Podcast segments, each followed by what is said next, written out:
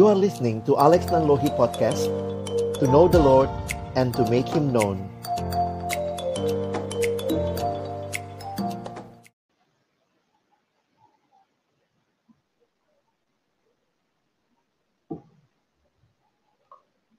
Halo. Halo. Apa kabar, Rey? Ya, beginilah Bang, lihat rambut. Begitu ya. ya, teman-teman selamat malam. Selamat ketemu Selamat kembali. malam, teman-teman semua. Dan ini kakak saya. Halo, Kak selamat Helen. malam. Dan Halo, Kak Helen. ya, kita Selamat bersyukur ya malam, Rey. malam ini boleh sama-sama live YouTube kembali. Dan ya, ini satu situasi yang menarik untuk kita terus bahas, kita gumulkan sebagai orang percaya. Dan Ray, sebelum kita mulai, yuk, eh, pimpin dalam doa dulu ya untuk Oh, ya, siaran boleh. kita malam hari ini. Oke, mari kita bersatu dalam doa. Tuhan, terima kasih untuk anugerah, buat kasih setia, buat penyertaan-Mu kalau kami boleh menjalani aktivitas kami sampai malam hari ini. Dan secara khusus juga bersyukur buat waktu dan kesempatan kami boleh bisa join bareng, kami eh, sama-sama bisa sharing di dalam eh, siaran ini. Dan kami berdoa ketika kami mungkin akan membahas topik yang tidak mudah berkaitan tentang eh, pertanyaan-pertanyaan seputar penderitaan, kekecewaan, ataupun juga mungkin eh, personal experience, kesakitan, kepedihan yang kami alami maupun yang kami lihat di orang-orang yang kami kasihi, yang kami layani. Kami berdoa kiranya percakapan, diskusi, sharing malam hari ini boleh menguatkan kami pribadi atas pribadi dan secara khusus juga bisa memperlengkapi kami juga, menolong, menguatkan sesama kami. Kami juga berdoa kiranya Tuhan yang boleh eh, berkati keseluruhan siaran ini buat eh, internet maupun juga eh, hal-hal teknis lainnya. Terima kasih Tuhan, di dalam nama Tuhan kami Yesus kami berdoa. Amin. Amin. Ada Kak Helen di sini, kita mau sama-sama ngasih kesaksian pujian, Ray. Ya, jadi di tengah-tengah situasi yang sulit, ada Tuhan yang hadir dan kalau Tuhan mem- memperhatikan burung pipit begitu ya, Mhm. yang rasanya hanya sangat murah gitu ya, dijual dua ekor seduit, apalagi kita anak-anaknya. His eye is on the sparrow and I know he watches me. Why should I feel discouraged? Why should the shadows come? And why should my heart be lonely and long for heaven and home? When Jesus is my portion, a constant friend is He. His eyes on the sparrow, and I know He watches me. His eyes on the sparrow, and I know he watches me. I sing because I'm happy. I sing because I'm free. His eyes on the sparrow, and I know He watches me. His eyes on the sparrow, and I know He watches. I know He watches. I know He watches me.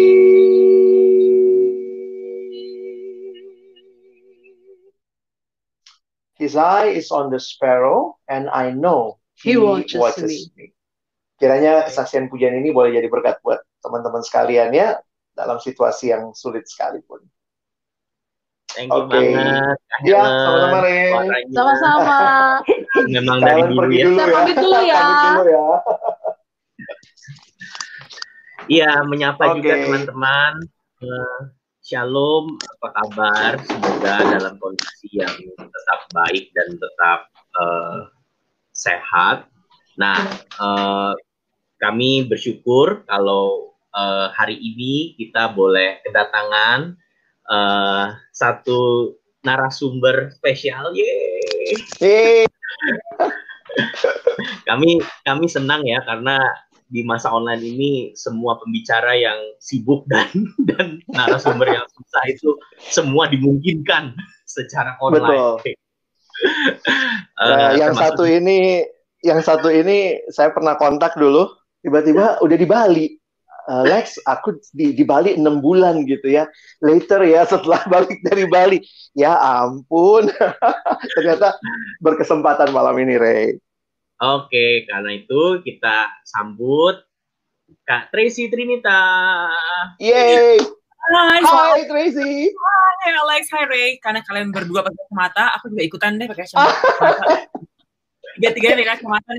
Eh, ini glasses ya, oh, wow, ini. Iya. Thank you banget loh. Thank you so much. Aduh, suaranya bagus sekali kalian berdua. Wow, Thank you. Ya berkati. begitulah. Tapi gini, Oke. Bali ya dari dari Jakarta itu seminggu sebelum COVID-19 menyebar di Jakarta. Jadi aku ada waktu satu weekend di gereja, abis itu gereja shutdown.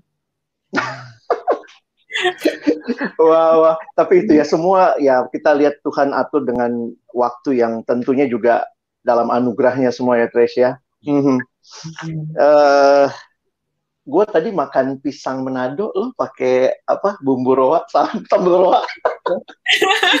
Ini kalau ngomong sama orang Manado jadi begini deh makanan. Oke. Tracy boleh kenalin diri kali ya, waduh, walaupun sudah terkenal kali ya. Tapi mungkin apa-apa yang yang Iya. lately lagi dilakukan, apa yang sedang di pelayanan apa yang sedang dilakukan. Oke, silakan Ray. Terima kasih banyak, terima kasih banyak ya Alex sama Ray untuk kesempatan bisa uh, bertemu di di dunia ini. Benar sekali sih sekarang ini banyak sekali pembicara yang semua pekerjaannya cancel sehingga mereka available masing-masing. Puji Tuhan ada kebaikan di balik setiap penderitaan. Amin.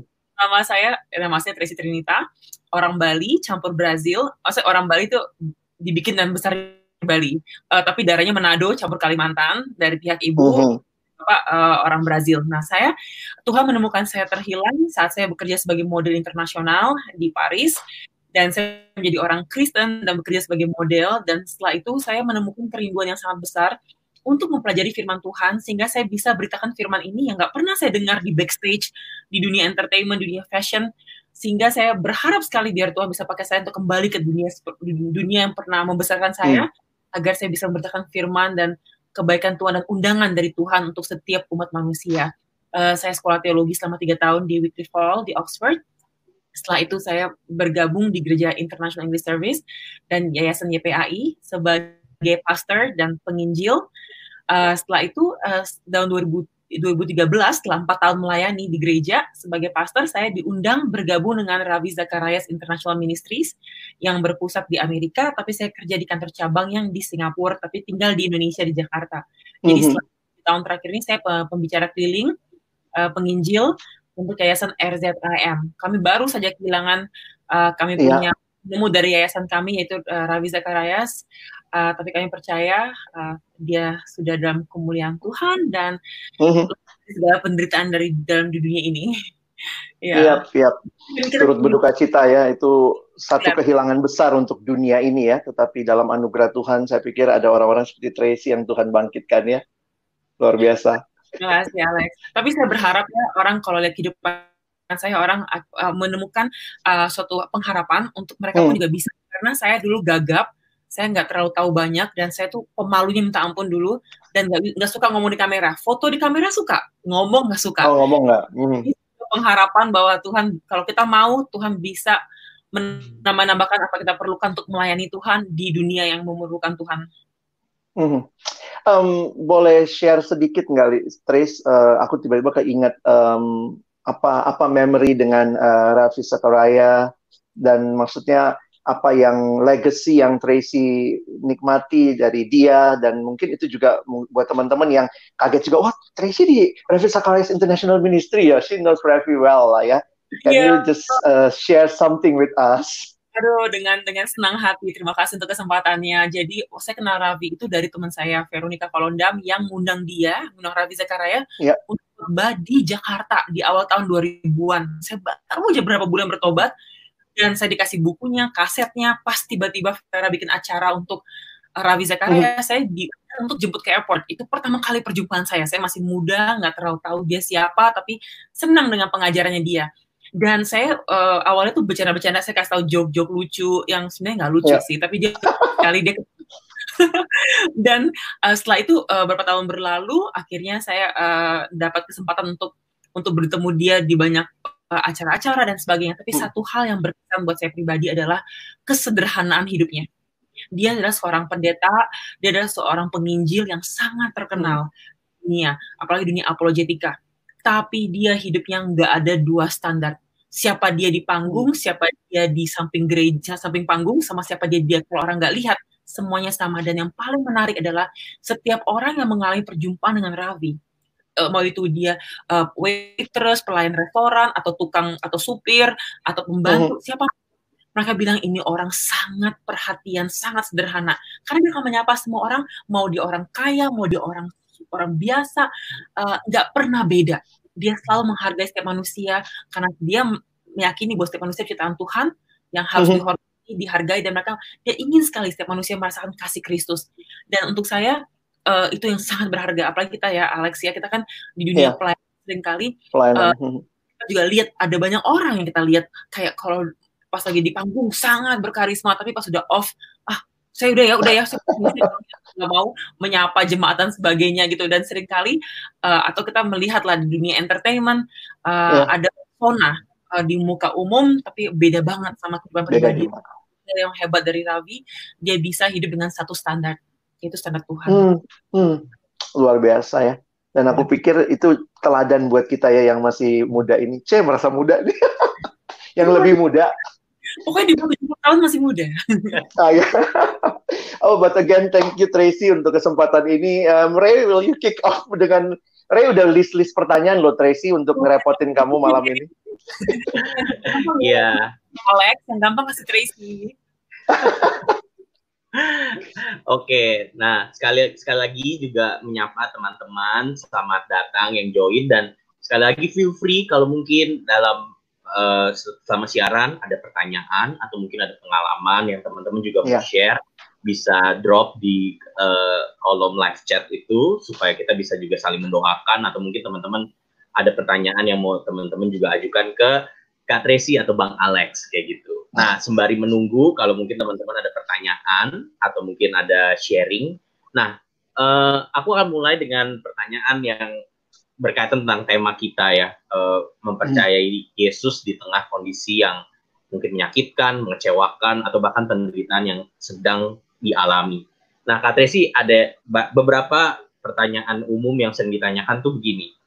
Eh, kenapa sih Tuhan izinkan eh, kita menderita, manusia menderita atau di dunia ini ada penderitaan gitu. Apakah Tuhan nggak kekelek, nggak perhatian atau nggak nggak berkuasa gitu untuk eh, men- membuat kondisi yang ideal kayak begitu.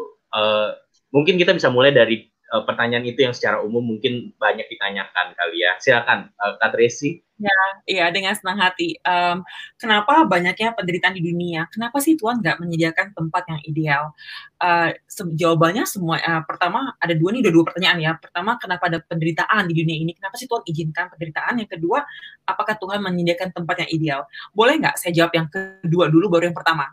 Yang kedua, okay. Tuhan menyediakan tempat yang ideal, yaitu di rumah surga di kemuliaan Tuhan uh, untuk setiap orang yang percaya kepadanya, yang hidupnya uh, untuk uh, sungguh-sungguh hidup dalam Tuhan, menerima pengampunan dan memegang teguh janji yang Tuhan berikan uh, dalam hidup uh, mereka. Itu yang kedua. Jadi ada surga bagi setiap orang percaya dan di sana surga berbeda dari cara pandang surga hayalan manusia ini surga penuh kemuliaan Tuhan, tidak ada kegelapan, tidak ada penderitaan, tidak ada tangis, tidak ada lagi hal-hal yang menyakiti kita di hmm. dalam surga.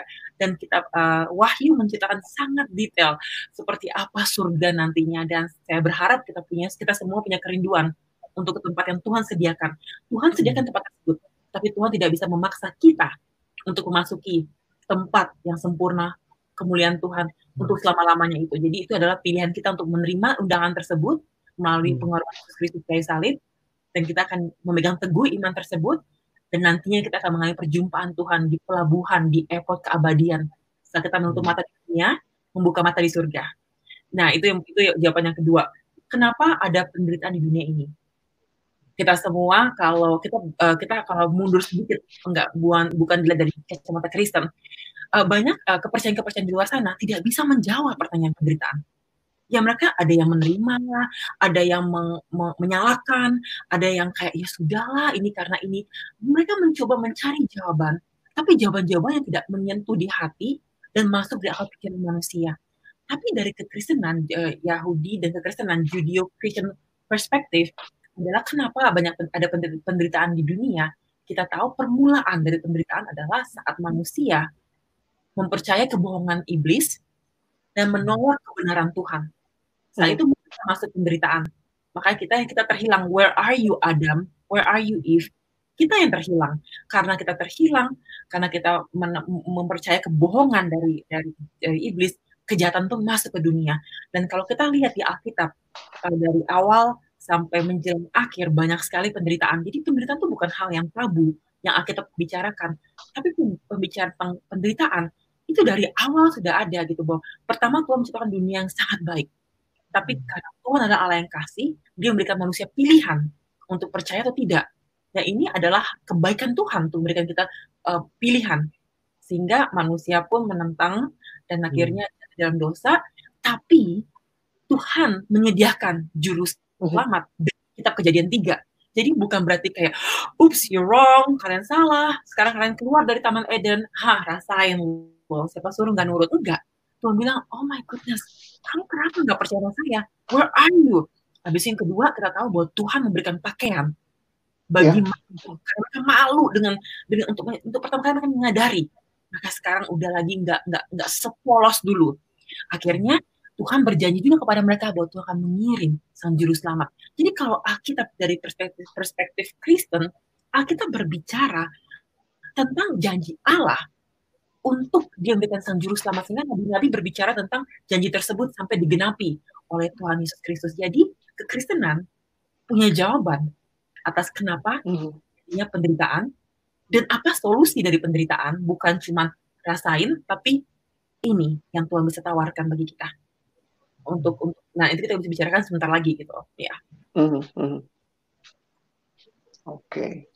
Uh, eh, mungkin beberapa pertanyaan yang kemarin dibalik maksud dibalik pertanyaan kenapa ada penderitaan mungkin terkadang sebagai orang Kristen kita sering dianggapnya gini uh, kalau di dalam Tuhan tuh nggak apa ya nggak akan menderita nggak maksudnya harusnya bisa nggak menderita gitu loh. Kadang-kadang kita dicekoki dengan pemahaman uh, kalau kalau kita sudah setia dan dan percaya uh, Tuhan akan bantu atau gue kasar gitu lah ya Tuhan akan akan akan uh, tolong kayak begitu. Tapi ternyata kadang-kadang realita hidup nggak nggak nggak terlihat gitu seolah-olah nggak ada uh, pertolongan atau jalan keluar kayak begitu.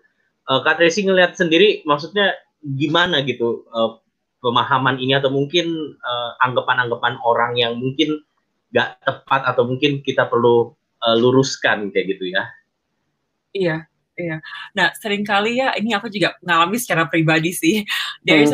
sebagai orang Kristen, kalau dulu waktu aku belum jadi orang Kristen, aku selalu merasa bahwa uh, ya penderitaan itu adalah bagian dari hidup lah, semua orang menderita gitu kan itu orang umum ya sebelum jadi orang Kristen. Tapi pada saat jadi orang Kristen kan uh, banyak hal yang kita lakukan berbeda. Contohnya nggak mau lagi uh, melakukan dosa-dosa berusaha untuk hidup kudus, berusaha untuk menyenangkan hati Tuhan, berusaha untuk berbuat baik, berusaha untuk mendalami firman Tuhan. Ada hal-hal tertentu yang kita lakukan karena ucapan syukur kita kan kepada Tuhan dan cinta kita kepada Tuhan. Tapi ada masa di mana uh, sebagai mungkin awal-awal aku sebagai orang Kristen tuh aku mulai hitung-hitungan sama Tuhan. Mulai mm. nih, oke okay, Tuhan kan I have done this, I've done this, I've done this. Kok masih ngalami ini sih, kok ngalami kesialan ini, ngalami dibohongin orang, ngalami patah hati, ngalami banyak hal yang aku pikir rumusnya ini udah bener nih. Udah ada rumus yang hidup kudus dan semuanya udah bener nih. Teorinya sekarang, teori harusnya bener dong. Nah, itu padahal nggak ada di Alkitab tertulis kalau kamu lakukan A, B, C, D, E, F, kamu akan dapat poin 100. Artinya kamu akan diberkati. Hmm. Nggak ada. Tentu kita berkata bahwa uh, kalau kita bersandar kepada Tuhan, kita pasti akan menerima perlindungan Tuhan. Tapi kan perlindungan Tuhan berbeda dari uh, cara uh, pukul cara pandang manusia gitu. Contohnya kan di Amsal Amsal 3 5 6 percayalah kepada Tuhan dengan segenap hatimu dan janganlah bersandar kepada pengertianmu sendiri. Akhirat Tuhan dalam segala lakumu uh, dan dan kan enak. Wah, berarti jalan aku akan lurus nih gitu. Tapi sebenarnya yang kita lupa adalah kita masih hidup di dunia kita sudah ditebus oleh Tuhan sehingga jalan hidup kita akan berbeda dari jalan hidup kita yang lama. Tapi kenapa Tuhan izinkan semua hal terjadi, hal-hal yang sering kali nggak baik, yang kita rasakan nggak baik dari kacamata manusia.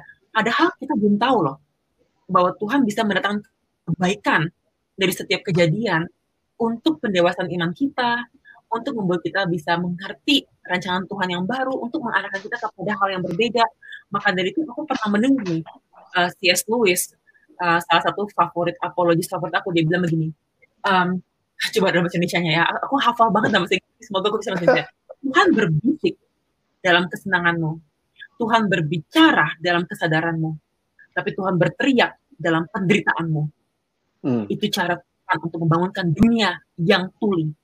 Nah, apa artinya?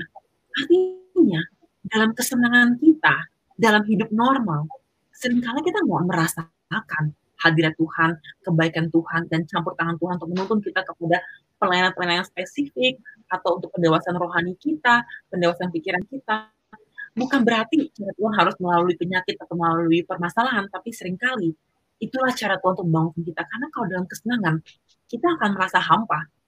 Maka itu uh, uh, J.K. Chesterton pernah berkata seperti ini. J.K. Chesterton bilang gini, um, uh, meaninglessness does not come from weary of pain, meaninglessness come from weary of pleasure.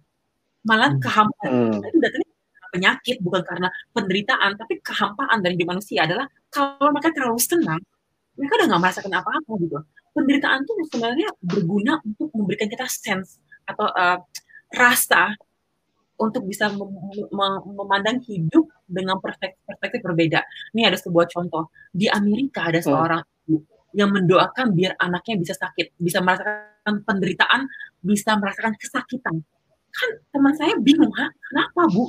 Malah bagus kalau anak itu nggak sakit. Jadi ternyata anak ini punya mengalami sensory problem. Jadi dia tuh dia punya rasa tangan uh, uh, indera perasanya dia nggak berfungsi.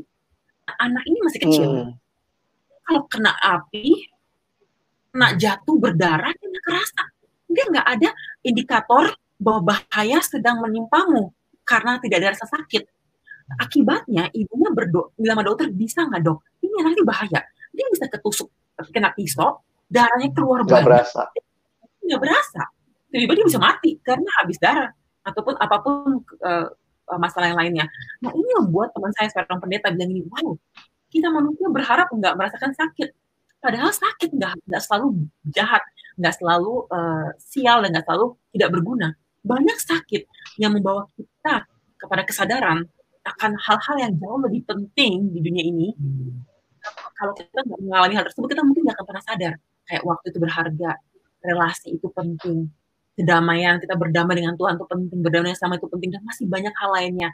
Bahwa dunia ini adalah dunia sementara. Maka dari itu kita memerlukan uh, penderitaan untuk membuat kita uh, sadar bahwa kita di dunia ini uh, yang uh, dan Tuhan pasti akan uh, menuntun kita untuk bisa keluar dari permasalahan ini. Terus yang kedua, aku juga ingin ingin ngebahas satu hal lagi. Nah, si sebagai orang Kristen ya, kita kan selalu mulai hmm. pas kayak saya saya bilang itu hitungan nama Tuhan. Uh, nah, sebenarnya uh, kita merasa tuh kita tuh baik ya sebagai orang Kristen, but we are not. Kita tuh sama seperti orang lain semuanya sama. Cuma bedanya kita diselamatkan oleh Tuhan, diberi undangan hmm. untuk kekerjaan Tuhan. Bukan karena hebat gagah kita, tapi karena kebaikan Tuhan. Kita tuh diundang untuk untuk sebagai anak Tuhan. Bukan karena kebaikan tapi bukti bahwa kita telah diselamatkan kita telah menerima undangan dari Tuhan adalah perbuatan baik akan muncul dalam hidup kita.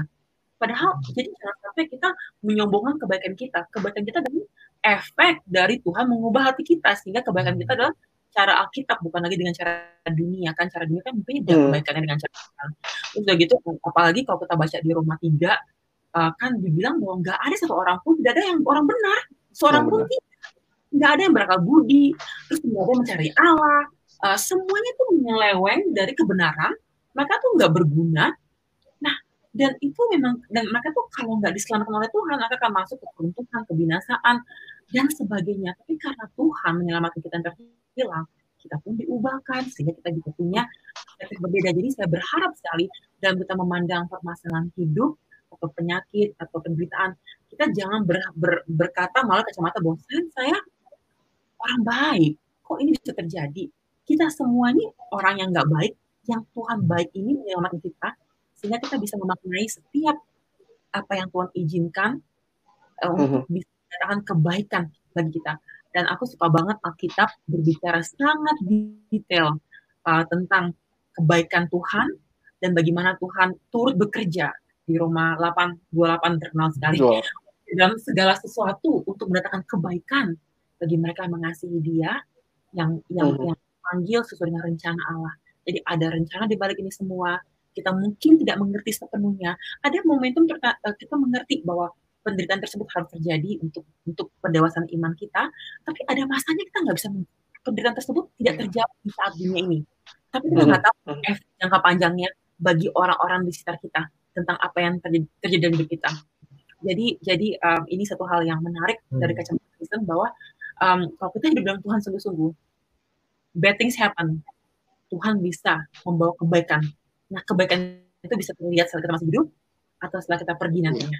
Contohnya missionary. Missionary pergi ke negara, pergi ke daerah-daerah yang sangat brutal. Maka bawa Alkitab, maka dibunuh. Apa yang terjadi? Martir kan kalau bahasa Kristen. Mm, mm. Orang bingung kok itu orang itu orang asing tuh baik sekali ya bawa banyak buku untuk kita. Buku ini berguna sekali untuk hidup lebih baik lagi daripada cara kita yang lama. Akhirnya banyak yang bertobat hmm. nah siapa yang nyangka penderitaan itu bisa membawa kebaikan bagi setiap orang yang percaya gitu. Jadi jadi banyak lah aspek-aspek. Aku boleh nggak tambahin lagi satu lagi? Satu, satu, satu, boleh please. Sangat menarik. I love this story tentang hmm kan suka merasa suka kita nih kalau kalau tipe manusia kan suka hitung hitungan nih sama Tuhan gitu ya. Maksudnya kayak aduh sial nih aduh beruntung nih gitu. Ah Tuhan hmm, beruntung hmm. aduh sial gitu. Aku suka banget ada cerita dari Rabi Zakaria uh, dia pernah cerita tentang sebuah tale uh, kisah kisah nggak nyata ya. Ada seorang uh, di desa ini desa ini orang orang ini kudanya dia dia cuma kuda punya kuda cuma dua. Satu kudanya hilang tiba-tiba tetangga bilang gini ah lu sial lu kasihan kudanya hilang. Wah orangnya bilang ini ya udahlah saya mau mau bilang apa? Gitu. Saya mau bilang apa? Gitu. Tapi seminggu kemudian si kudanya orang itu bawa 20 kuda liar balik nih ke kendang yang kecil itu 20 kuda liar. Tiba-tiba tetangga begini wih beruntung loh. Sekarang banyak banget kudanya. Terus orang orang yang punya kuda itu bilang ini ya saya mau bilang apa? Gitu terus abis itu berikutnya lagi uh, si si orang yang punya kuda itu bilang ah mau nyoba ah si kuda baru ini yang kuda-kuda liar ini ada yang bagus gagah dia naik tiba-tiba karena kuda liar ditendang dia kelempar kakinya patah si tetangga bilang gini wah sial nih. Terus si orang itu bilang, ya saya mau bilang apa? Nah, akhirnya berikutnya tiba-tiba yang terjadi berapa waktu kemudian ada orang-orang yang uh, preman nih, preman dari kota lain, desa lain, datang untuk mencari semua anak-anak muda di sana mau dibikin jadi preman. Semua dicek, cek, cek, cek. Si anak muda itu kan karena kakinya patah, ah enggak, hmm. lu barang, lu nggak bisa lari, nggak bisa ini, enggak, lu tinggal di rumah aja. Tiba-tiba tetangganya datang lagi, wah, gara-gara kakinya patah, beruntung lu, nggak beruntung. Nah, habis itu dia bilang lagi, ya saya mau bilang apa? Nah, singkat cerita, lihatlah inilah dunia gitu. Cara kaca, kacamata dunia adalah sekali kita lagi mengalami kebaikan kita dibilang hmm. Hmm. beruntung sekali mengalami kesusahan kita bilang ah sial lo gitu. Padahal dari kacamata itu jadi kejadian sama selama dua minggu.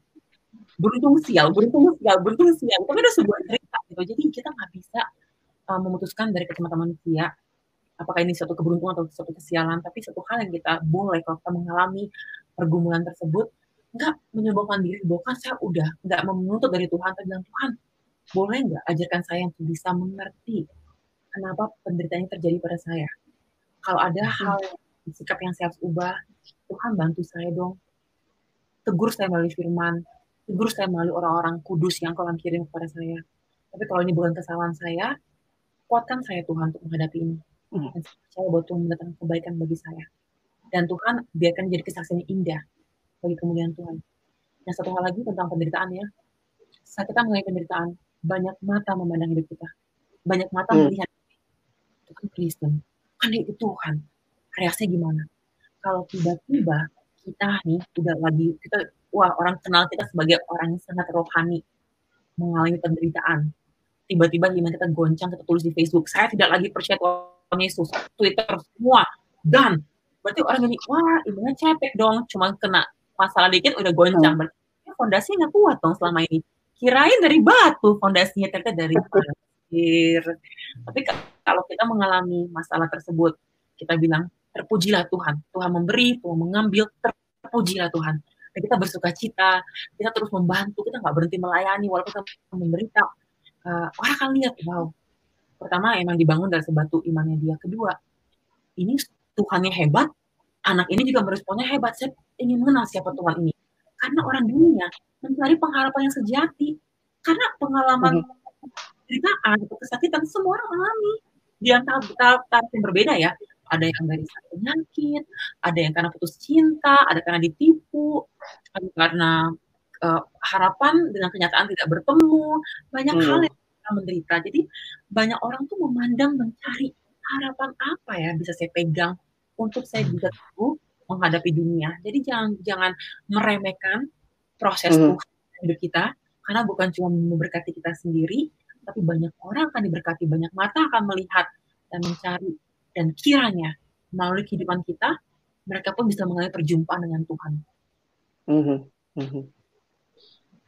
Wow, thank you banget Tracy untuk penjelasannya yang komprehensif. Wah, kalau kalau mungkin saya ngalamin ya kali ya dalam arti bahwa sesudah saya jadi hamba Tuhan pun ternyata perjalanan pemahaman untuk mengenal Tuhan dan tidak bersifat transaksional sama Tuhan ya. Kadang-kadang kita gitu ya. I've done this, I've done this. Harusnya saya begini dong dapatnya gitu ya. Nah, itu itu saya ngalamin waktu uh, menjelang saya menikah. Terus uh, papa saya kena cancer. Cancer prostat stadium 4 waktu itu. Dan dalam realita itu jadi kemudian bergumulnya begini Tuhan kan saya sudah melayanimu gitu. Saya sudah kasih masa depanku untukmu gitu ya. Nah dalam pergumulan itu akhirnya kayak uh, seperti yang Tracy bilang tadi ya akhirnya saya belajar dari menanyakan Tuhan. Karena saya benar saya ngerasa tuh saya orang baik. Gue penginjil coy. Gue menyerahkan hidup gue buat Tuhan nih. Banyak orang gue bawa kepada Tuhan Yesus. Jadi saya lupa, tanda kutip ya, saya lupa bahwa sebenarnya anugerah Tuhanlah yang membuat saya ada di titik itu dan pergumulan itu sebenarnya cara Tuhan untuk menolong saya melihat lagi, memurnikan motivasi saya sebenarnya kamu melayani Tuhan karena apa? Jangan-jangan lu melayani Tuhan cuma supaya keluarga lu baik, ini eh, apa hidup lu nyaman berarti sebenarnya saya tidak melayani Tuhan, saya melayani diri saya. Dan akhirnya dalam situasi seperti itu ya yang saya syukuri setelah lewat ya waktu walaupun waktu itu ya penuh tangisan air mata gitu ya. Tapi yang saya nikmati adalah ya pertama memang satu sisi Tuhan menyembuhkan papa saya dengan mujizatnya gitu. Tapi di sisi yang lain yang saya pikir mujizat yang lain yang terjadi adalah diri gua. Saya jadi makin ngerti kenapa saya melayani. Saya ngalamin tuh yang apa uh, Mazmur 23 ya. Mazmur 23 itu kan waktu di bagian awal tuh kata gantinya kayak orang ketiga ya. Uh, Tuhan adalah gembalaku, takkan kekurangan aku. Dia, dia, dia. Jadi waktu bicara seluruh kelimpahan hidup itu kayak dia, dia. Jadi orang ketiga. Tapi begitu bicara sekalipun aku berjalan dalam lembah kekelaman, aku tidak takut bahaya sebab engkau. Waduh, saya pikir yes, lembah kekelaman bisa membuat saya mengerti bahwa he is near. Tuhan tuh deket gitu. Dan ya itu itu thank you banget untuk jadi saya jadi ingat cerita itu ya Tuhan berikan buat gua gitu. Thank you Tracy. Iya mau berkati sekali. Thank you Kak Tracy dan Bang Alex. Nah uh, sekal, uh, mungkin berkaitan tentang uh, suffering atau penderitaan banyak juga pertanyaan tentang uh, pain ya. Maksud dalam arti rasa sakit gitu. Karena uh, kadang-kadang mengerti maksudnya mengerti gitu ya mengerti uh, tujuan penderitaan dan sebagainya tapi katanya uh, sakitnya tuh tetap kayak gitu ya uh, masa itu itu real kayak gitu dan kadang-kadang di masa-masa painful reaction atau painful emotion hmm. kadang-kadang uh, jadi jatuhnya membandingkan baik membandingkan self blaming self pity bahkan ya nggak bahkan bisa self harming gitu ya. Melakukan hal-hal aku ketemu dengan beberapa mahasiswa yang uh, akhirnya melakukan hal-hal yang sangat menyakit menyakiti dan merusak dirinya. Ataupun kita juga jadi ketus dengan dunia gitu atau uh, apa ya sinis cynical gitu uh, skeptical dengan uh, kondisi sekitar kayak gitu. Jadi uh, kalau dari Kak Tracy uh, how to deal with uh, that emotion gitu. Maksudnya di tengah oke okay, ini penderitaan yang Tuhan izinkan tapi apa yang uh, bagaimana saya harus bersikap di tengah itu semua kayak gitu. Uh, silakan Kak Tracy. Iya ya itu um, saya rasa hampir semua dari kita pasti mengalami kekecewaan mengalami penderitaan dengan level berbeda-beda kan uh, dan juga mengalami pergumulan hidup uh, apa kekecewaan akan kehidupan gitu. Karena kita semua ini punya punya kita semua tak terkecuali ya mungkin nggak nggak hmm. sama persis kita semua tuh punya pengharapan akan hidup yang sempurna. Kenapa itu hmm. ada dalam diri kita? Karena memang kita diberikan oleh Tuhan um, keinginan untuk hidup dalam kekekalan. Jadi uh, kita tuh memang ditekan Tuhan untuk punya kerinduan akan kekekalan kesempurnaan yang Tuhan akan sediakan di keabadian nantinya. Sehingga kita tuh masih punya peta tersebut dalam hati kita. Maka dari itu kita membandingkan harapan kita dengan kenyataan hidup sering kali jauh dan tidak iya. sama. Nah hmm. jadi satu hal pertama kita jangan menyingkirkan pengharapan kita karena memang Tuhan menyediakan tempat itu. Jadi itu bukan cuma hayalan akan oh Disneyland gitu. Bukan.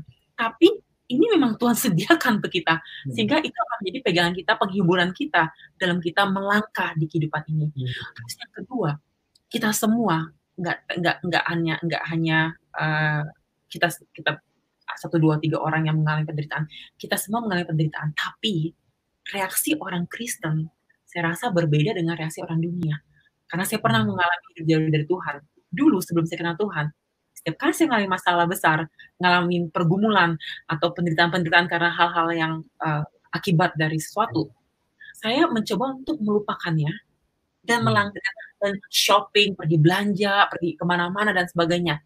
Saya melari dari kenyataan dengan mencari kesenangan yang sia-sia. Tapi sebagai orang Kristen, saya mengalami perbedaan cara meresponi permasalahan. Di dalam hmm. sebagai orang Kristen, saya menghadapi masalah saya, saya melihat Kenapa masalah ini bisa terjadi? Karena kalau berbicara tentang penderitaan, kan masalah itu ada macam-macam.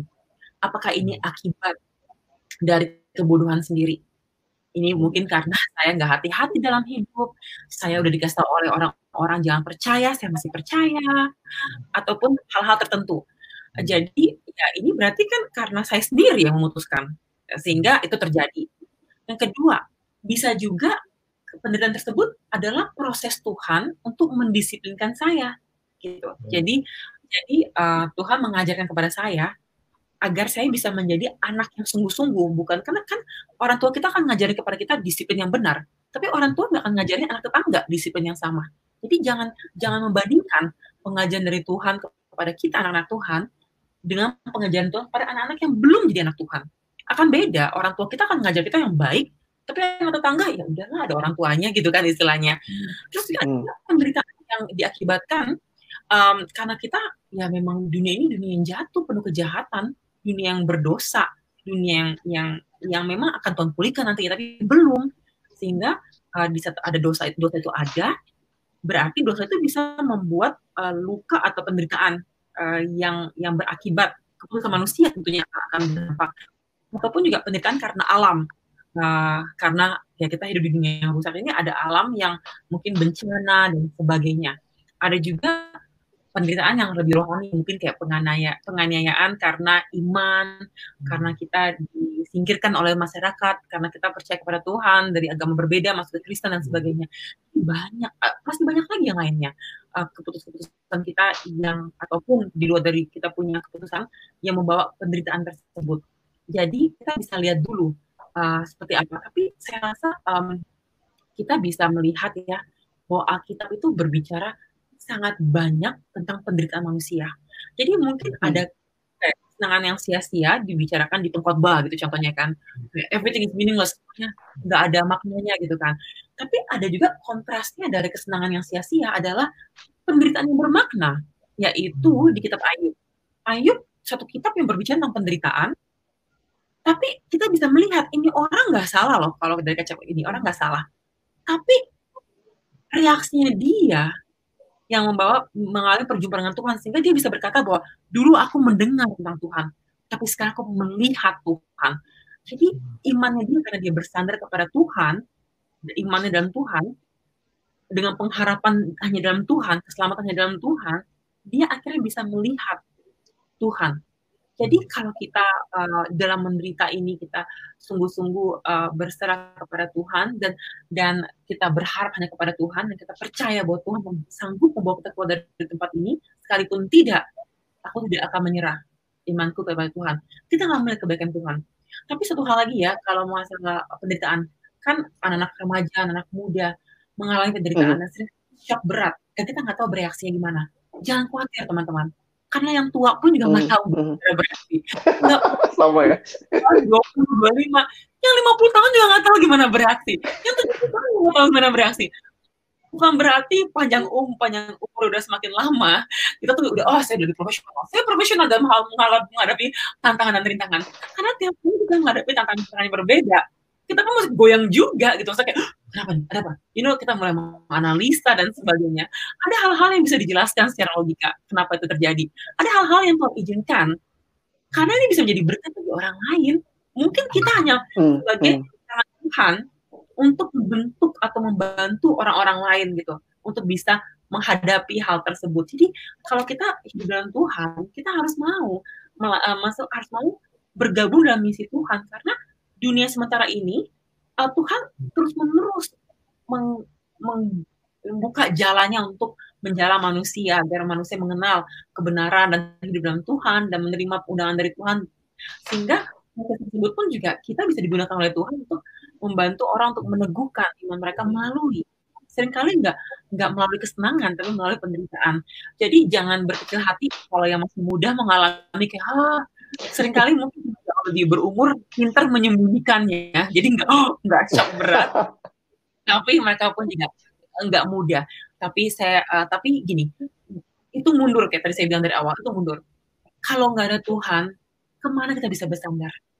Kan hmm. kalau nggak ada hmm. Tuhan siapa pengharapan kita? Kalau nggak ada Tuhan siapa tangan yang melindungi kita? Jadi saat kita mengalami masalah jangan terfokus kepada masalah tersebut tapi kita harus melihat kebaikan Tuhan. Ini contohnya, ini aku pribadi pernah alami. Tiga tahun lalu aku mengalami sakit yang cukup parah. Um, banyak orang tahu, oh tahu lah kalau orang lihat post aku, aku foto lagi ulang tahun, malahan mau dioperasi di hari ulang tahun dioperasi. Nah, tapi beberapa waktu sebelumnya, aku mengalami sakit yang benar-benar gak masuk akal. Dari kan kalau mungkin teman-teman yang kenal saya dari dunia modeling tahu saya kurus banget. Nah, kurus itu bukan karena diet, tapi emang kurus aja, puji Tuhan. Uh, dan makannya pun banyak, dua, dua piring nasi dan sebagainya, tapi tetap kurus. Tiba-tiba saya mengalami kenaikan badan selama hampir 25 kg. Nah, penderitaan yang pertama adalah diomongin orang, ih gendut. Itu kan penderitaan tuh ya, itu penderitaan. itu itu enggak. Tuh, jadi tolong jangan komen masalah tubuh, apalagi work from home. pasti itu yeah, yeah. jarang olahraga dan makan jadi ruang tamu ke dapur, ruang tamu ke dapur. Jadi pokoknya jangan komen tentang badan. Jadi penelitian pertama tuh badan. Kedua, lemesnya karena sakit itu. Namanya hypothyroid. Itu uh, tiroidnya mengalami hmm. uh, atau gimana sehingga badannya jadi gemuk.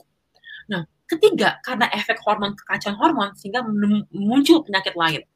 Nah, jadi ini penderita itu bertambah ada lagi ada lagi ada lagi ada lagi padahal lagi fokus-fokusnya pelayanan dan sibuk-sibuknya dan uh, sungguh-sungguh hidup kudus uh, mencoba melayani Tuhan dan dan tidak tergantung dengan kesenangan dunia dan sebagainya gitu. Jadi saya nah kalau mulai matematika kayak tadi kan wah itu ya udah saya waktu udah dewasa jadi nggak nggak matematika sama Tuhan. Tapi saya bilang gimana cara bisa menghadapi uh, penderitaan, penderitaan, penderitaan, penderitaan dan sebagainya. Sampai satu saat memang awalnya kuat ah nggak apa bisa kok bisa mengalami nanti juga kurus nanti ah, bisa kok nanti juga pasti sembuh. Pas dokter bilang ini kayaknya kanker nih, ini boleh tolong dites MRI? Ini bahaya sekali. Itu hancur. Sekali-kalinya ini udah pelayanan, udah tahu. Saya percaya ada masa depan kalau sediakan. Masih di dunia hanya Tuhan yang tahu. Dan kita gunakan hidup kita. Dan saya yakin saya udah melakukan hal yang saya harus lakukan di dunia. Saya udah uh, nggak uh, ada penyesalan dalam pelayanan, nggak ada penyesalan dalam keputusan hidup. Tapi goncang loh. Nih, ini aja yang pelayan Tuhan aja, hmm, maksudnya hmm. bisa agree to this ya. Itu goncang. Saya nangis, saya bilang, Lord, kenapa masih umur, baru tuh umur 36, kenapa gitu harus mengalami ini gitu. Dan pas tuh pas lagi yang paling menakutkan adalah kalau teman-teman nggak tahu ya semoga nggak pernah mengalami tapi MRA itu kamu tidur di tempat yang putih itu kayak berasa kayak di peti mati. Karena di ruangan tuh nggak ada orang hmm. satupun yang tidur kamu tidur nggak boleh gerak selama saya lupa 30 menit atau satu jam kayak minimal 30 menit. Ada mesin kayak tetetek tetetek tetetek tetetek gitu. Kayak scanning seluruh tubuh kita. Kita nggak boleh gerak. Dan itu benar-benar momentum berasa dari peti mati. Tiba-tiba aku bilang ini, wow, Tuhan, hanya ada engkau dan saya. Dalam satu bulan itu saya cuma bisa nangis, nangis terus. Merefleksikan hidup saya. Tiba-tiba semua pengen menikah, pengen PhD, pengen punya rumah, pengen punya mobil, pengen liburan keliling dunia, pengen naik kapal, pesiar, mama mama mama papa, hilang, nggak ada artinya. That moment is like a awakening moment. Wow, betapa hidup ini singkat. Kita nggak pernah tahu kapan Tuhan panggil dan cara Tuhan memanggil manusia untuk kembali kepada keabadian beda-beda. Bisa orang tidur langsung pergi, bisa melalui penyakit, bisa melalui penderitaan. Yang terpenting bukan masalah prosesnya itu, tapi hikmat yang kita bisa dapatkan yang harusnya membawa kita kepada kesadaran bahwa jangan menginvestasi banyak kepada hal-hal yang fana. Yang kita sebutkan semua keinginan itu sebenarnya nggak ada, nggak bernilai di keabadian. Tapi investasikanlah hidup kita untuk hal-hal yang bernilai di surga. Dan itu harusnya penderitaan harusnya membawa kita membawa kita kepada persepsi persepsi yang berbeda dari cara kita melangkah di. Mungkin deh, kita saya nggak berharap orang Kristen jadi kayak oh saya diam aja deh nunggu mati lagi pula juga Tuhan sediakan enggak enggak enggak. Saya mau orang Kristen berkarya hmm. memuliakan Tuhan melalui pekerjaan di bidang apa pun melayani Tuhan dari tempat di mana Tuhan sediakan kita untuk melayani bukan harus di mimbar bukan harus sebagai penginjil tapi di karir kita di sekolah sebagai murid di rumah sebagai orang uh, bapak rumah tangga ibu rumah tangga di pekerjaan sebagai pegawai ataupun bos, tempat di mana pun kita berada, kita memuliakan Tuhan. Jadi, memuliakan Tuhan dengan melayani Tuhan dan menjadi sungguh-sungguh anak Tuhan di dunia yang membutuhkan teladan. Tapi jangan sampai mm -hmm. kita melewati kesempatan di mana Tuhan sedang memproses iman kita, membangunkan kita dari kesadaran, dari kenyamanan kita akan dunia ini, dan kita jangan sampai kehilangan momentum yang berharga, yaitu harusnya penderitaan, kesakitan, uh, putus harapan, semua harusnya membawa kita kepada Yesus. Dan satu hal lagi yang mengagumkan adalah Mhm. Tuhan Yesus kita satu-satunya pribadi yang sangat mengerti apa itu penderitaan karena dia adalah Allah yang mengalami penderitaan untuk kita. Ya. Dia tidak berdosa datang ke dunia untuk menebus kita dan dia mengalami semua yang kita alami tapi dia tidak pernah berdosa. Dia pernah kelaparan, dia pernah dihianati, dia digoda, dia mengalami semua diteror, dia mengalami semua yang kita alami lebih-lebih lagi karena dia pada akhirnya menanggung seluruh dosa manusia di kayu salib. Hmm. Sehingga kalau kita mengalami penderitaan, kita punya Tuhan yang mengerti, yang bisa memegang tangan kita bilang, I know, kata Allah Bapa, aku tahu karena anakku menderita untukmu. Allah Putra, aku tahu karena aku menderita untukmu. Allah Roh Kudus, aku akan memberikan penghiburan bagimu. Kamu bisa melewati masa ini. Izinkan aku untuk memberikan kelegaan, penghiburan, dan pendalaman akan firman Tuhan. Kita Hmm. punya equipmentnya untuk bisa melewati badai kehidupan. Pertanyaannya, Mhm. mau kita dipimpin oleh Tuhan atau kita malah mundur dari Tuhan tapi kalau mau mundur ke mana nggak ada pengharapan di luar sana seperti pengharapan Hmm. Kristus ada sehingga kekristenan menjawab penderitaan jauh lebih dalam daripada uh, cara dunia menjawab Hmm. penderitaan Eh, satu lagi eh, Charles Spurgeon bilang gini God is too good God is too good to be unkind He is too wise to be mistaken. When we cannot trace his hand, we must trust his heart. Heart. tuh terlalu baik untuk jadi untuk jadi tidak baik. Dan Tuhan tuh terlalu terlalu sangat uh, wise. Uh, wise Indonesia apa ya aku lupa. Uh, bijaksana Bijak, bijaksana. melakukan kesalahan. Kalau kita nggak bisa merasakan tangan Tuhan dalam hidup kita, kita harus percaya pada hati Tuhan. Tuhan nggak pernah salah. Tuhan akan Mhm. selalu, selalu. Dan kalau kita uh, lagi menderita nih, lebih baik sebenarnya jangan chatting di WhatsApp, jangan juga ke uh, kalau nonton YouTube-nya akunnya Alex boleh, tapi yang lain nggak usah. harus Nyari ini. karena ya, karena firman Tuhan tuh berbicara tentang orang-orang yang menderita loh. Jadi firman Tuhan tuh bukan Ya. kabar baik Eh, dan orang mengalami kabar baik tersebut melalui proses hidup. Contohnya di kisah Hmm. Yusuf. Yusuf mengalami penderitaan. Abraham, Daud, Hosea, semua. Siapa yang nggak mengalami Mhm. penderitaan? Ya, ada satu orang yang memohon biar nggak menderita. Tapi pun karena dia menderita, dia memohon untuk tidak menderita. Tapi semua orang mengalami penderitaan. You're not alone. Welcome to the club. Clubnya manusia. Oke, Wow. thank you Kak Tracy. Eh, Bang Alex ini ada beberapa yang bertanya di eh, kolom chat. Mungkin eh, sebagian udah secara langsung atau nggak langsung dijawab oleh Kak Tracy. Iya. Tapi eh, mungkin mungkin Kak Tracy bisa kasih penekanan-penekanan lagi kali ya kalau misalnya mungkin ada yang Kak Tracy bisa tekankan. Mhm. Ini aku akan pilih karena mungkin nggak bisa semuanya, tapi mungkin aku pilih yang eh, relevan dengan apa yang lagi dibicarakan. Eh, halo, Bang Benedik, Eh, mau bertanya cara yang baik untuk melayani approach orang-orang yang menolak Tuhan karena mengalami pain eh, and suffering. Eh, ada penekanan Hmm. khusus Kak Tracy untuk eh, sebagai orang yang menolong teman kita gitu ya, yang bahkan sudah sampai titik menolak Tuhan kayak gitu. Iya, iya. Nah, ini ini case-nya ini nggak bisa dipukul rata ya. Kita gini, pertama saya bersyukur sekali uh, Anda teman yang baik, peduli dengan teman-teman yang terhilang. Mhm. Sekali kalau melihat orang yang akhirnya mundur dari iman mereka, berkata Tuhan tidak ada dan marah kepada Tuhan, sekalipun dia bilang Tuhan itu tidak ada, tapi masih marah gitu. Jadi anti contradiction sih. Tapi nggak apa-apa. Tapi saya bersyukur Anda uh, peduli dengan teman Anda. Itu satu hal yang sangat baik dan saya bersyukur dia punya teman baik seperti Anda. Nah, langkah yang Mhm. mungkin ada yang akan saya ambil pertama gini, tidak pernah jawaban itu dia diberikan oleh pembicara di mana pun kita pukul rata, kita langsung terima mentah-mentah.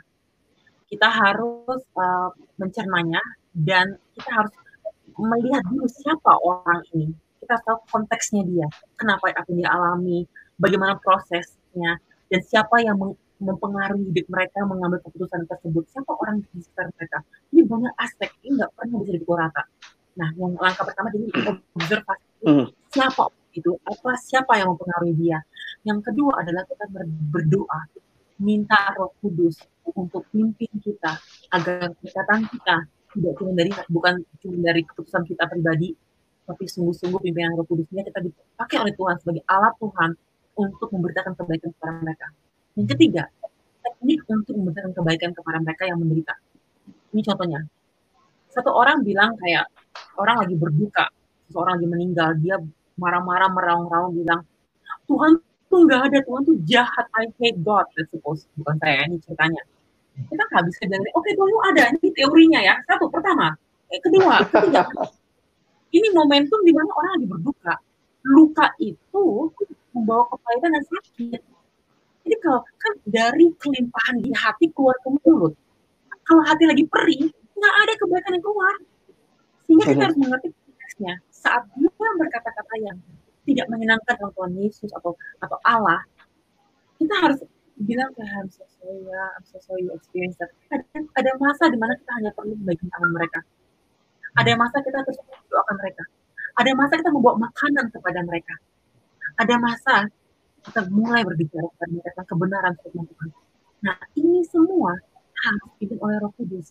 Kalau enggak, pakai cara manusia, kita akan salah. Kita nggak pernah bisa memberikan yang yang terbaik sesuai dengan apa yang orang tersebut perlukan. Jadi ada teknik dalam kita menginjil atau Mhm. memberitakan yang terluka. Sebenarnya kalau kita langsung sembuhkan luka, kalau dia mau. Kalau enggak itu sakit sekali luka itu disembuhkan oleh orang yang belum siap untuk disembuhkan. Jadi ada masanya mungkin bilang, hey, itu luka kenapa? Oh ini karena ini, ini, ini rasa gimana? Oh kita mungkin terapi, mungkin dia perlu cuma diskusi tentang luka tersebut. Mungkin dia bilang, ah, kamu mau nggak itu biarin luka itu seperti itu? Lama-lama ada lawat loh, ada penyakit, ada kepahitan, ada ini akan akan akan menghinggapi, akan busuk, akan bernanah, akan buka lebih dalam lagi. Terus kalau dia bilang, saya nggak peduli. Oh ya udah. Tapi kalau dia ini, enggak sih, saya mau perbaiki. Nah, caranya gini, sakit ya tapi ya, nggak apa-apa ya. Tapi harus dikeluarin yang nggak baik. Harus diampuni, harus keluarin semuanya. Sehingga luka tersebut bisa sembuh, bisa sembuh. Nah, singkat cerita, ada proses bersama. Jadi nggak nggak nyuruh gini. Poinnya adalah jangan sampai kita jadi teman-temannya Ayu. Teman-temannya Ayu tahu Hmm. pertama benar menemani dia dengan diem diem. Habis itu dimarah-marah kamu kurang ini kali, kamu kurang itu kali gitu. Uh. Akhirnya Ayu berbicara dan Tuhan, untung Tuhan nggak marah kepada teman-temannya karena kita sebagai manusia kita terbatas melihat masalah. Tapi kita kita harusnya mencoba untuk melihat dari kacamata Tuhan melalui Roh Kudus dan bisa tepat kata-katanya.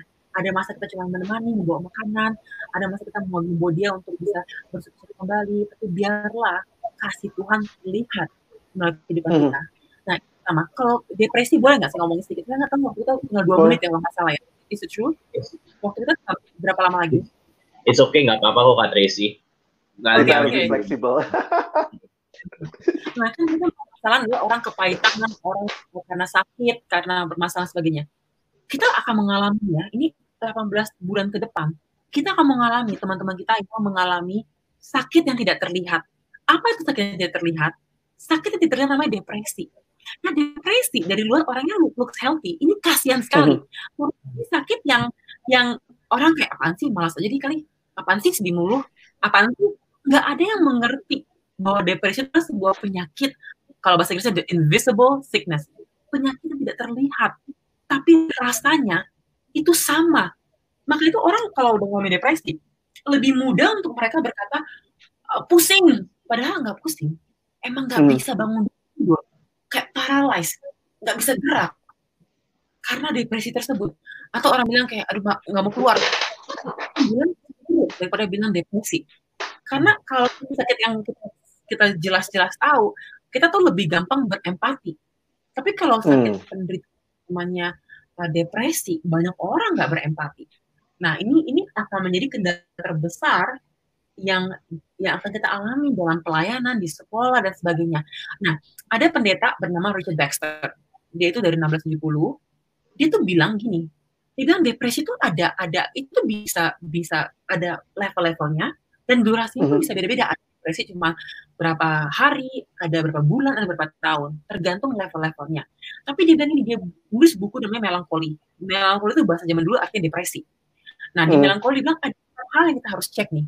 Dia bilang, yang pertama, masalah fisik. Artinya apa? mungkin penderitaan kita tuh atau penderitaan kita secara mental atau secara fisik itu karena karena kita perlu obat yang tepat, kita perlu makanan yang bernutrisi, kita perlu istirahat yang cukup. Nih kalau Hmm. ngomong istirahat, ini kita bisa, aku teman-teman juga pernah lah dengar tentang em, Elia kan, yang Elia di satu raja-raja Iya. 19 habis menunjukkan kemuliaan Tuhan, banyak Baal yang akhirnya gagal dan sebagainya. Wah, semua nama Tuhan diri dia kayak I just wanna die. Aku mau bunuh, di- bunuh aku Tuhan gitu. Itu aku nggak lebih baik daripada uh, uh, leluhurku dan sebagainya. Hah? Kok bisa sih? Habis pelayanan, pelayanan dahsyat Hmm. sekali, tiba-tiba besoknya minta minta bunuh diri. Tuhan ambil ambil nyawaku dong, ambil nyawaku. Itu depresi. Itu depresi. Nah, apa yang Tuhan izinkan? Malaikat Tuhan membuat dia tertidur. Habis itu dia udah udah cukup tidurnya, dibangunkan, ada roti di situ, ada kue, ada minuman, disuruh makan, makan minum, makan minum, terus tidur lagi. Tidurnya cukup lama, dibangunin lagi, waktunya makan lagi, waktunya minum lagi, sehingga tubuh dia dipulihkan, dia akhirnya bisa ketiga kali dia bisa kuat untuk menghadapi kehidupan. Mhm. Jadi jangan jangan remehkan istirahat, nutrisi, vitamin. Sekarang working from home ya, banyak orang nggak kena Mhm. nggak kena nggak kena vitamin D, jadi gampang depresi gitu kalau nggak nggak matahari itu gampang depresi. Ini ini pertama physical cost. Yang kedua, nah yang pertama tadi kalau kita lihat di Eli aja, kita lihat kan bahwa Tuhan nggak bilang dia, hei kamu nabi, kamu gila ya kemarin saya udah tunjukin keajaiban saya, masa kamu percaya sih gimana sih kamu? Enggak, nggak ada omelan. Caranya berbeda. Ini orang yang memperlu istirahat, dia capek. Nah kedua, secara uh, psikis atau psychological cost, mungkin kesepian. Mungkin orang ini perlu ada yang mengasihi dia, ada komunitas yang mensupport dia, mendoakan dia, mendukung dia, membantu dia Mhm. untuk menjadi orang yang lebih excellent. Yang ketiga, mungkin ada rasa bersalah, mungkin ada ada karena sakit hati kepada seseorang atau berdosa atau apa pun yang perlu pengampunan. Ini harus pertobatan. Yang terakhir, bisa juga karena karena uh, di- uh, kejahatan iblis diganggu Hmm. oleh.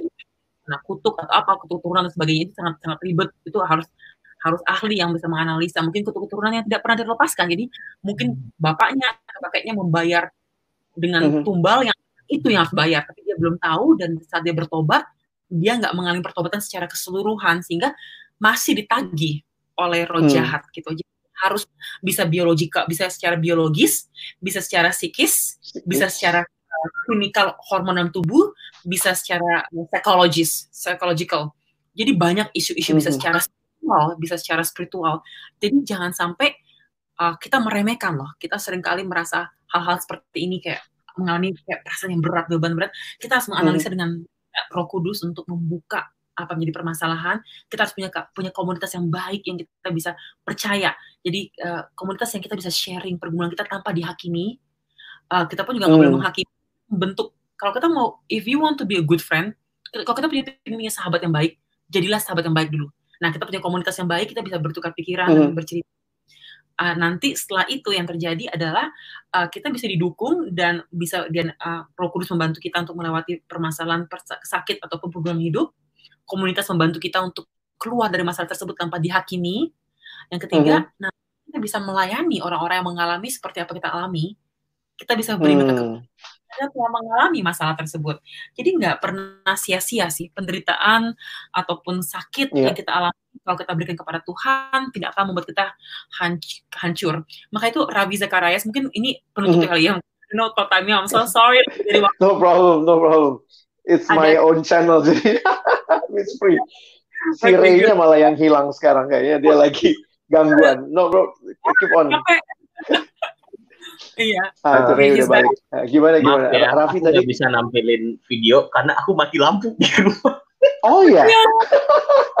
Jadi cuma bisa pakai suara. Ya. Kamu seperti apa? It's okay. We still remember your face. Kita bisa bayangkan. Ini is part of his suffering. Ini part of his Ray suffering. gitu. Nah, aku ingin banget bilang gini. Oke, bahwa Saya pernah bilang begini, pada akhir dari kehidupan kita, ada satu dari tiga hal ini yang akan terjadi pada hati kita. Hati Hmm. kita menjadi keras, hati kita menjadi keras, hati kita menjadi hancur, atau Mhm. hati kita menjadi lembut. Hmm. Hidup akan membawa kita kepada satu dari tiga hati itu tersebut. Keras, menjadi marah, menjadi ateis, menjadi benci kepada Hmm. Tuhan karena mengalami permasalahan dan tidak pernah berdamai dengan Tuhan, Hmm. menerima uh, ke- menerima proses hidup. Kedua, menjadi hancur, mengalami semua rintangan tantangan sampai benar-benar terpuruk. Enggak Mhm. hilang dari tapi benar-benar nggak merasakan kebaikan Tuhan, tapi tetap bertahan sebagai orang Kristen. Tapi yang ketiga, hatinya lembut. Lembut karena dia mengalami uh, masalah, pencobaan, tantangan, rintangan, dan sebagainya. Tapi dia bilang, Tuhan memberi, Tuhan pula yang mengambil. Terpujilah Tuhan. Sehingga hatinya tetap subur, tetap lembut, dia tetap berguna untuk kemuliaan Tuhan, menjadi buah-buah roh muncul dalam kehidupannya dia. Mhm. Hati lembut tersebut terbawa sampai tua, sekalipun dia menerima semua hal yang tidak menyenangkan, tapi Tuhan tetap dipermuliakan melalui kehidupannya dia. Nah, Iya. kita semua berikan untuk memilih dalam langkah hidup. Ada hal-hal tertentu kita tidak kita tidak pilih, ada hal tertentu kita nggak bisa pilih.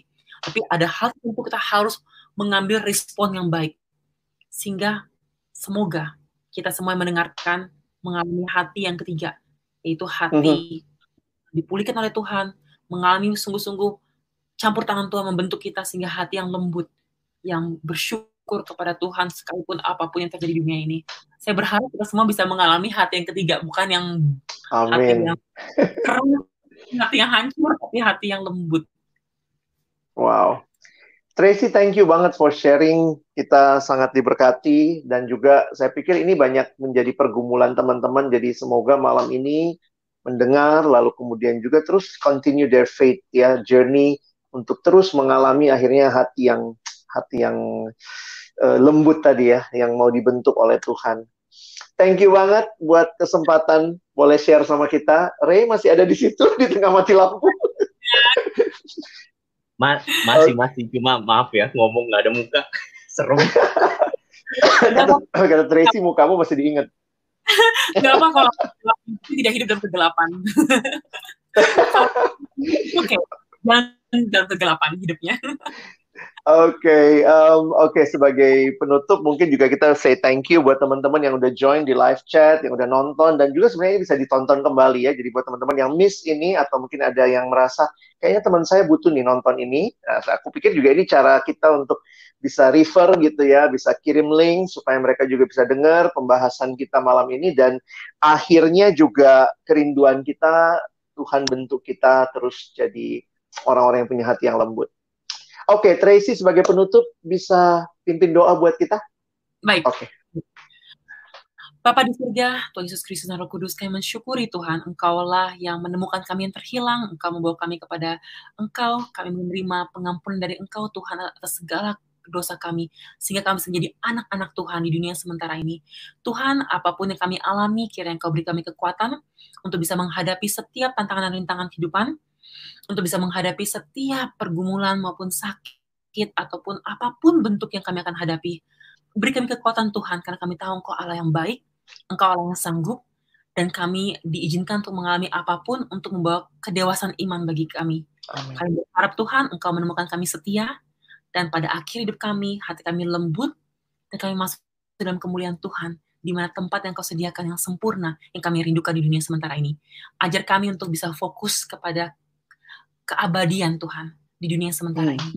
Terima kasih Yesus, Engkau berkati juga Alex dan Ray dan pelayanan mereka Tuhan, agar mereka berdampak bagi Indonesia dan bagi dunia, dan mau membawa kemuliaan bagi Engkau Tuhan Yesus. Terima kasih Tuhan, kami berdoa bagi setiap teman-teman yang mendengarkan, Engkau pun membawa kami semua kepada kedewasaan iman, dan menghadapi setiap tantangan dan rintangan di kehidupan ini. Engkau Allah yang baik, kami bersyukur, kami berserah, dan terima kasih Tuhan dalam Yesus Kristus, kami mengucap syukur dan berdoa.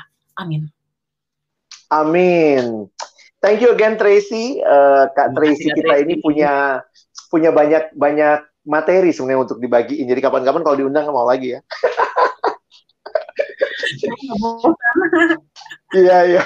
Thank you banget. Makasih Ray silakan ada Oke. yang mau disampaikan belum dari kegelapan. dari kegelapan maaf ya teman-teman tapi eh, nantikan buat minggu depan nanti kita akan publish lagi buat seperti biasa kemis jam setengah delapan feel free buat teman-teman kalau mungkin ada hal-hal yang mau ditanyakan mungkin ya memang nggak bisa semua pertanyaan dijawab Hmm. tapi feel free kalau mau DM ke Bang Alex, ke Kak Tracy Ya. atau ke aku, mungkin untuk didoakan atau mungkin untuk uh, sharing sesuatu, feel free dan uh, seperti yang Kak Tracy bilang tadi ya, kita nggak sendirian dalam bergumul, dalam uh, belajar bertumbuh di dalam Tuhan kayak gitu. Oke, terima kasih buat teman-teman yang boleh ngikutin sampai saat ini. Terima kasih lagi buat Kak Tracy dan Bang Alex dan buat teman-teman semua. Sampai jumpa minggu depan. Bye. Thank you. Thank you.